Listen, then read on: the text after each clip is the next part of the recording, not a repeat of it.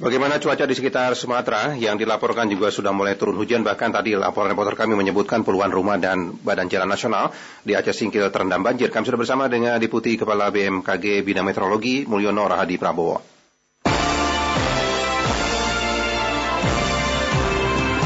Pak Mulyono, selamat malam Pak. Selamat malam Mas ya ini. Selamat Pak, malam. ya ini reporter kami melaporkan Aceh Singkil banjir Pak. Sebenarnya di okay. wilayah Sumatera itu seperti apa cuacanya? Uh, ya baik, uh, memang secara umum sebagian wilayah Indonesia masih musim kemarau. Hanya saja ini khususnya untuk wilayah Indonesia sebelah selatan ekuator. Jadi kalau kita melihat peta pada umumnya wilayah Sumatera bagian tengah atau mungkin Sumatera Selatan dan Lampung, Jawa, Bali, NTB, NTT, sebagian Sumatera, Kalimantan Selatan, eh, Kalimantan Tengah dan Kalimantan Selatan kemudian Sulawesi. Namun kalau kita bicara wilayah Sumatera bagian tengah ke utara, sebetulnya ini sudah pada kondisi musim penghujan sejak bulan September. Uh, sehingga ketika kita masih bicara uh, kekeringan, karhutlah, suhu panas, uh, ada bagian wilayah Indonesia yang memiliki karakteristik pola hujan yang berbeda atau lebih awal masuk musim hujannya. Nah ini yang terjadi di wilayah Sumatera bagian tengah dan utara, apalagi kalau melihat pemberitaan pada waktu-waktu uh, kemarin setelah terjadi hujan yang cukup uh, tinggi intensitasnya di wilayah Aceh. Uh, BMKG juga memonitor telah terjadi uh, adanya hujan dengan intensitas sedang sampai lebat di wilayah Sumatera bagian utara dan Aceh. Ini yang terjadi yeah. pada saat ini. Tapi tidak termasuk di sekitar Sumatera Selatan, Jambi, Lampung, dan juga beberapa wilayah lainnya, Pak? Uh, kalau karena ya, posisi Sumatera itu kan boleh dikata membujur utara selatan, yeah. sehingga yeah. bagian tengah dan utara ini masuk pada kondisi basah atau Sumatera Utara dan Aceh justru sudah pada kondisi musim penghujan, tapi Sumatera bagian uh, tengah ke selatan, Sumatera Selatan dan Lampung ini masih pada kondisi musim kemarau. Oleh sebab Atau iya. tidak hujan, curah hujannya belum terlalu banyak. Makanya kebakaran hutan dan lahan di Sumatera Selatan dan Jambi ini masih ada begitu ya Pak? Karena hujan memang belum turun ya Pak di sana ya? Uh, uh, belum terlalu uh, intens lah boleh dikata. Beberapa hari yang lalu memang sudah muncul hujan meskipun yeah. uh, pada skala ringan sampai sedang. Tapi kalau untuk di wilayah seperti Aceh ini belum masuk dalam kondisi puncak musim hujan, Pak Mulino? Uh, belum. Uh, prediksi BMKG pada bulan-bulan November, Desember pada umumnya masuk ke puncak musim hujan.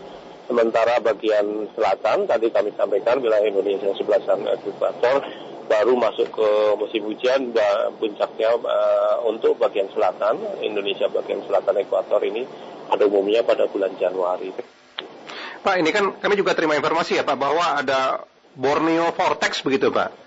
Yang bisa berpengaruh terhadap cuaca di Sumatera bagian selatan, Pak. Ini apa maksudnya ini, Pak Mulyono? Halo? Iya. Borneo Vortex, Pak. Halo? Iya, Pak Mulyono. Bisa dengar suara saya, Pak? Halo? Halo, Pak Mulyono. Pak Mulyono. Halo? Iya, Pak Mulyono. Di Sumatera, Pak, ini kami terima informasi ada seperti Borneo Vortex begitu, yang bisa mempengaruhi cuaca di Sumatera Selatan.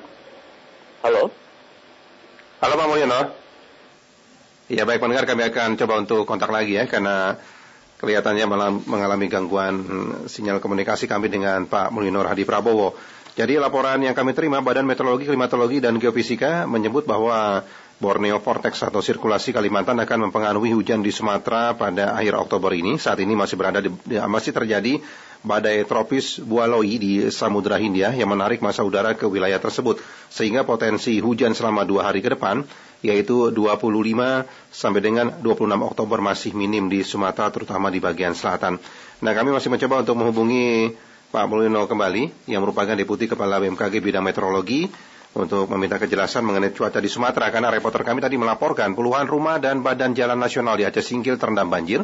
Kodim 0109 Aceh sekarang ini mengerahkan personilnya untuk membantu warga dan juga pengguna jalan yang ada di sana. Kami masih mencoba untuk menghubungi Pak Mulino kembali untuk minta kejelasan kembali ya mengenai cuaca yang ada di Sumatera karena ada informasi mengenai Borneo Vortex yang kemungkinan bisa berpengaruh terhadap cuaca di Sumatera terutama Sumatera bagian selatan. Ya benar kami akan pantau juga bagaimana perkembangan terkini dari Sumatera Selatan karena laporan yang kami terima asap masih pekat di Sumatera Selatan. Seperti apa kondisi terakhirnya? Kami sudah bersama saat ini dengan Kepala Bidang Penanganan Kedaruratan Badan Penanggulangan Bencana BPD Sumatera Selatan, Ansori.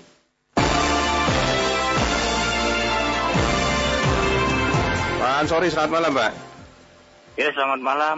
Pak Ansori, kabut asap pagi ini kami dapat kabar pekat lagi begitu Pak, di Palembang. Iya, iya benar. Jadi untuk hari ini, bahkan sampai malam ini, kondisi kabut asap di Sumatera Selatan, Palembang khususnya cukup pekat Pak Zaini. Lebih pekat dari sebelumnya Pak, atau uh, tidak sepekat sebelumnya sekarang ini? Uh, beberapa hari sebelumnya sempat pekat, kemudian menghilang. Uh, hari ini kembali pekat lagi. Ini kondisi uh, asap di Sumatera Selatan di Palembang khususnya. Jadi pagi dan sore hari ini begitu Pak, sampai malam ini ya, masih pekat ya?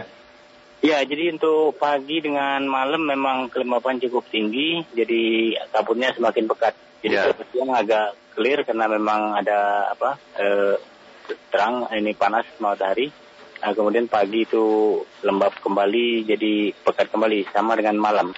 Pak, ini kenapa? Karena masih ada kebakaran lahan dan hutan di sana? Yang asapnya um, masih berpengaruh begitu? Belum bisa dipadamkan kebakarannya? Ya, jadi ini memang pengaruh ke kondisi kebakaran, khususnya di wilayah Ogan Komering Ilir maupun Ogan Ilir yang memang arah asapnya mengarah ke kota Palembang. Ya.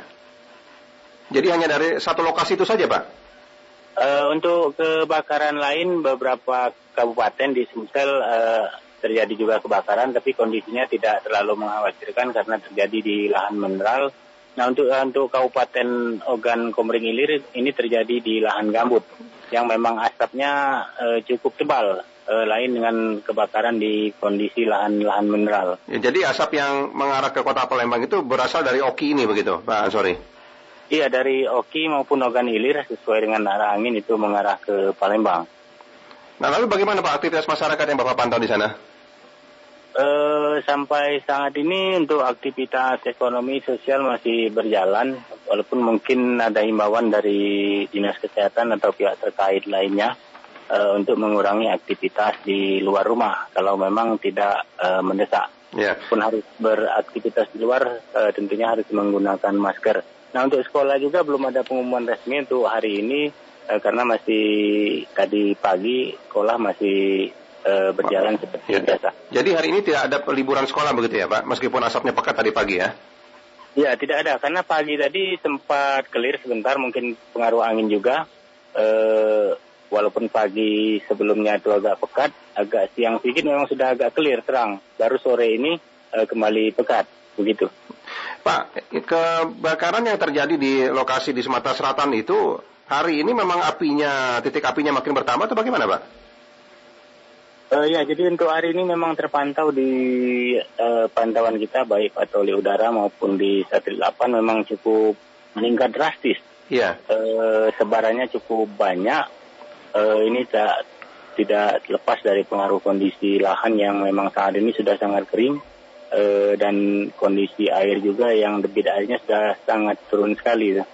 Jadi untuk pemadaman ataupun persebaran apinya ini cukup mudah e, menyebar. Meningkat drastisnya seperti apa itu Pak Ansori? Uh, ya kalau di hari sebelumnya terhitung ada 200-an, kemudian uh, turun naik lagi. Nah hari ini terhitung sampai 700 lebih. Titik apinya maksudnya Pak? Ya titik yeah. yang dipantau di 8. Uh, walaupun eh, dari sebagian besar itu eh, confident-nya antara 0 sampai de 100 persen. Artinya ada yang di bawah 8 persen yang mungkin bisa kita abaikan itu bukannya fire spot. Ya. Tapi hanya hotspot biasa. Pak, ini kenapa Pak sampai belum bisa dipadamkan dengan baik? Apakah memang sulit wilayahnya untuk dijangkau? Uh, ya pertama memang kondisi sulit untuk mengakses lokasi-lokasi lahan gambut itu uh, untuk mobilisasi personil maupun peralatan ke lokasi. Yeah. Kemudian sebaran kebakarannya sudah sangat luas sehingga uh, mobilisasi petugas dengan sebaran uh, titik apinya itu tidak, tidak berimbang begitu ya? Ya. ya. ya. Hmm. Tidak pakai waterbombing, Pak?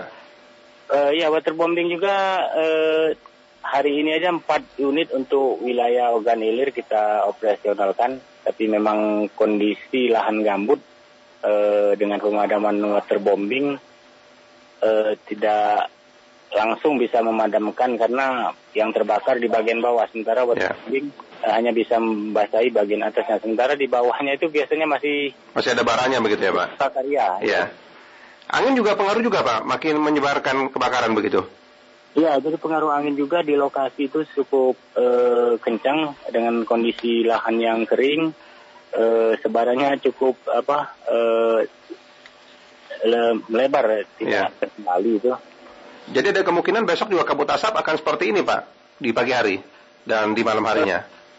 Ya untuk pagi dan malam hari memang karena itu tadi karena memang ada kelembaban tinggi dia jadi akan semakin pekat dan memang kalau memang apa arah anginnya tidak berubah tentunya di Palembang khususnya akan tetap pekat.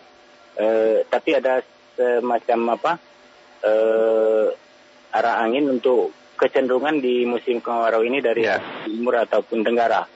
Nah, dan kebetulan dari arah timur maupun tenggara itu semuanya daerah yang memang e, kondisinya terbakar saat ini. Pak, ada upaya membagi masker lagi kepada masyarakat begitu, Pak? E, ya, untuk e, pembagian masker tentunya akan dilaksanakan oleh OPD terkait dalam hal ini Dinas Kesehatan, Dinas Lingkungan Hidup. E, sementara kita di... Belum ada informasi, Pak, soal itu, Pak, dari Dinas terkait? Uh, sudah. Jadi untuk sebarannya yang kami mungkin belum dapat detail informasinya di, di daerah mana saja begitu ya sudah diberikan ya. Tapi kalau pembagiannya sudah.